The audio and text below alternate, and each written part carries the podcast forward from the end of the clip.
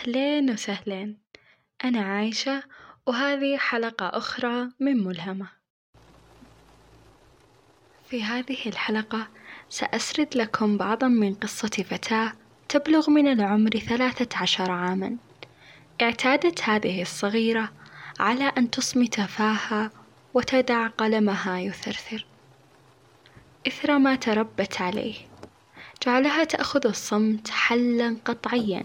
لا مجال للنقاش فيه، كانت كل خطواتها يسبقها خوف، كأنها ولدت خائفة، وكأن الفزع قسم قد قسم على أن يلازمها، يرعدها وقع الأشياء على بعضها وتلفتها التفاصيل المهمشة، لأنها ترى بينها وبين الهوامش قواسم مشتركة. وحين أتمت الثالثة عشر عامًا انغمست في أمر الفزع بشكل غير مسبوق، حتى بات يظهر عليها كمرض مزمن مصابة به، يدعى الخوف، يدعى الفزع، وأحيانًا يدعى التردد.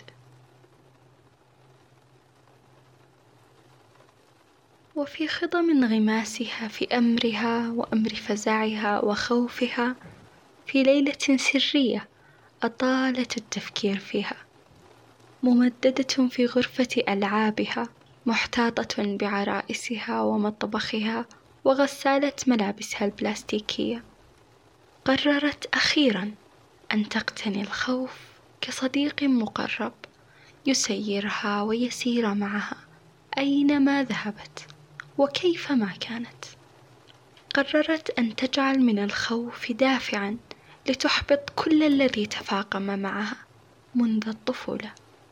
ولكنها لم تنسى أن تدع قلمها يثرثر ودعت قلمها يثرثر الترهات حتى أوصلها إلى مرحلة الكتابة الوصفية.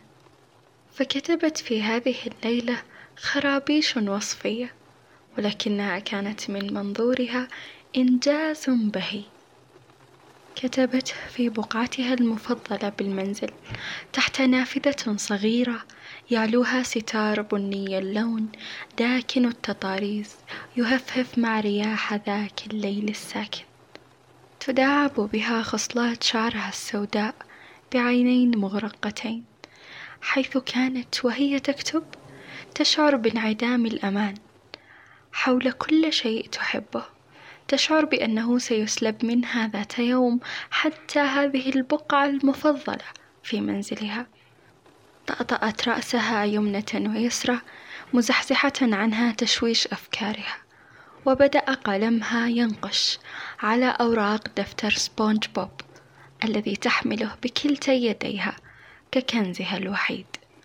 قائلة تكاد أصوات العالم أجمع أن تخرس تمامًا في هذه اللحظة، كأنما أنا وكتبي وصوت نقش قلمي في هذه الدنيا، سكون جوفي انعكس على ليلتي الباهتة للغاية، في منتصف الليل الأخير، حيث غرفة ألعابي المظلمة وكتبي التي بالكاد ترى، أكتب وأقرأ وأتنفس ببطء شديد. ألحن نبضاتي تضامنًا مع صوت الساعة وهي تدق بقسوة في أذني لتخبرني بأن هذا الوقت سيمر وستحول ليلتي إلى سطوع يتشاركه الجميع. هذه الليلة أنا نضجت وأصبح قلبي لا يقودني ولا عقلي إنما حروفي وتدفق الإلهام حولي أما عن الذي أخبئه بين سطوري فهو السكون. ولطالما سعيت لكي لا تكون حروفي ساكنة لتكون حروفي ذات صوت وصدى لا ينسى. حتى أني أتأمل طويلا في ملامح القارئين فقط لأرى سماعهم لصوت أحرفي الذي نسجته بحذر. ولكن يبدو أن ما كتبته الليلة ساكن وصامت للغاية. كما سكون حولي وقلبي. لذا لن أحادث أحدا حتى يحين الصباح. حتى ترزقني الشمس صوتا أنقله وصوتا أسمعه وأكتبه.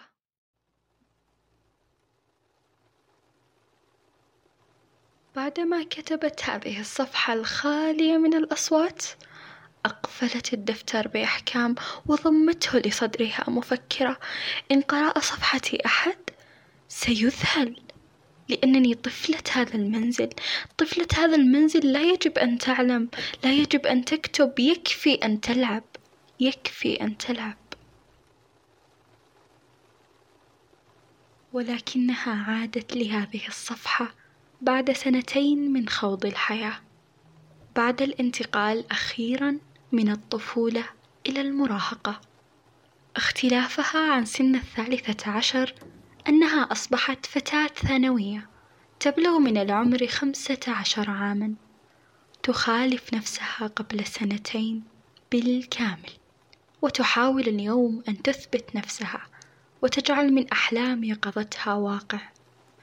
الاختلاف شاسع، جعلها تنوي هذه المرة أن تنقش بقلمها رسالة لها وحدها لتقرأها في الغد البعيد.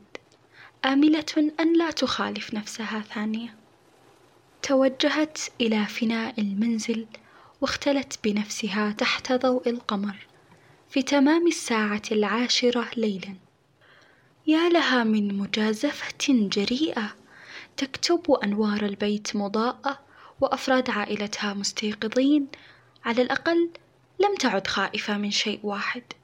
لم تعد خائفة من ماذا تفعلين؟ ماذا تكتبين؟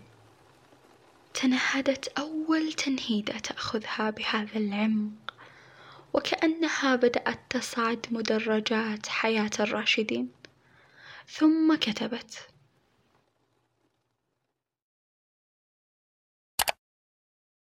لحظات ترتيبي لنفسي من أقسى اللحظات التي تشعرني بالمسؤولية. أشعر بأني حاكمة وشؤون وطني وشعبي كلها متوقفة على لحظة خلوة أختليها معي.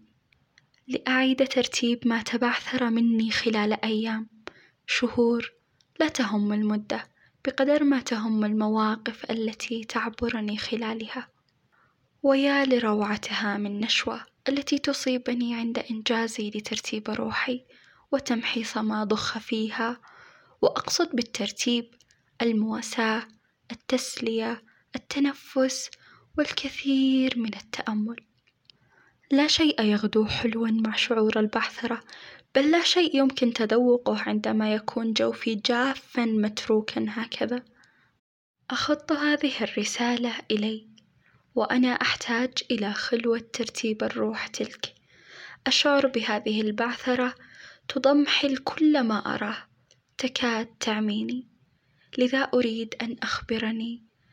أن لا أنسى أن أتنفس بين التارة والأخرى.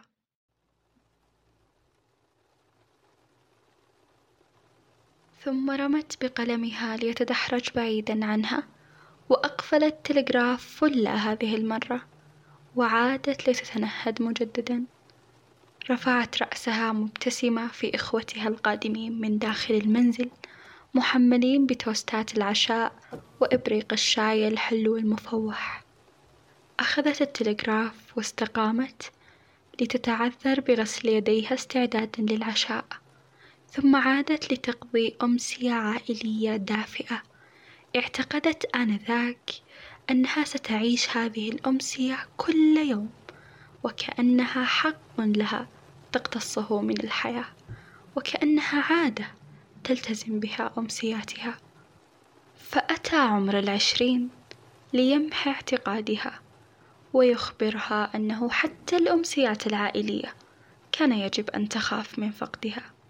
ولكن بالرغم من كومة الخوف التي تتمكن منها كل مرة لم تخف من الأشياء التي اعتقدت بأنها حق لن يسلب ووسم لا يقدر على محوه أحد. بهذه السرعة مرت خمسة أعوام. بقت وحدها. تتخلى عن وجبة العشاء لأن التوست لم يعد لذيذا كما اعتادت وتبتاع الدفاتر البيضاء. الخالية من كاركترات الكرتون وتخاف التعلق. لا تجد من يقاسمها قطعة الحلوى ولا من يلعب معها لعبة الكراسي. وفي عصرية أربعاء صاخب من خامس أسبوع جامعي كانت تتأمل السقف وتشعر بالثقل. عمن يكبر بلا عائلة عمن لم يذق طعم الراحة بعد. عمن كان ولا يزال خائف. عمن فقد قبل أن يعيش. ثم تخيلت لو أن صفحة من صفحات دفاترها تقرأ على الملأ. هل ستكون حروفها ذات صدى يسمع كما تمنت دائما؟ هل ستجبر طريقتها الكتابية كسر قلب أحدهم؟ تناولت دفترها ومرسامها وبدأت تكتب آملة أن تسمع هذه الصفحة ولو مرة. لمن يحتاج أن يسمع؟ لأنها لطالما احتاجت أن تسمع ولكنها لم تسمع ما تحتاجه بعد. فكتبت.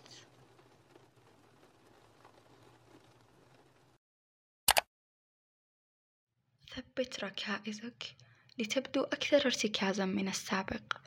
حدد هدفا ودوافعا تجعلك تنطلق دون توقف في سبيل تحقيق أهدافك. لا يجب أن تكون الانطلاقة محكمة مثالية لأن الكمال والمثالية لا تهم. ما يهم حقا هو عقلانيتك وتفكيرك الجيد قبل كل خطوة تخطوها. لأنك قدوة نفسك وركيزة لمستقبلك وقادم أيامك. لذا أنت الآن مهم. والتصالح مع ما كنت عليه مهم وما تطمح للوصول إليه مهم جدا أيضا. انشغل بك بجوانبك الفذة وبتطوراتك ومهاراتك وصقل مواهبك وتجددك. لا تدع شيئا يفسد عليك متعة الانسجام معك. لنزهر كورود ربيعية أتتها نسائم الربيع فأزهرت مرة أخرى على الحياة. لنكن جريئين واثقي الخطى رافعي الرأس وذوي بصمة. لنكن في فوهة المدفع لنجابه ونواجه. لنخلق لنا وجودا لا ينسى. لذة لا تضاهيها لذة. أن تكن مرساتك محكمة الثبات على شاطئك. يعني أن تكن بين يديك لوحة مفاتيحك. التي تحوي ردات فعلك وسيطرتك. أن تكون أنت تحت سيطرة نفسك. لا تحت سيطرة الخوف. تحرر. طوت الرسالة وهي تسر في نفسها علمها بأن هذه الرسالة خطتها أناملها لها قبل أن تخطها للملأ الذي قصدته. ثلاث صفحات من ثلاث سنوات مختلفة. ثلاث صفحات تكافح بها الفتاة أمرا واحدا مقيتا وتافها. إلى هذه الدرجة يمكن أن يتمكن شعور من حياة أحدهم. إلى هذه الدرجة يستولي شعور على كل ما حلم به أحدهم. ثلاث صفحات تلخص أن كلمة لا تخف ليس حلا. ككلمة لا تبكي لا تحزن لا تستسلم لا تبالغ. هذه ليست حلول نريد سماعها. قد نتقبلها كردود فعل للمواساة لا إرادية لكن لا أكثر من ذلك. من عمر الثالثة عشر عاما إلى عمر العشرين كم تعتقدون سمعت هذه الفتاة كلمة لا تخافي؟ لماذا تخافي؟ من ماذا تخافي؟ لذلك أقول بأن لا تخف ليس حلا.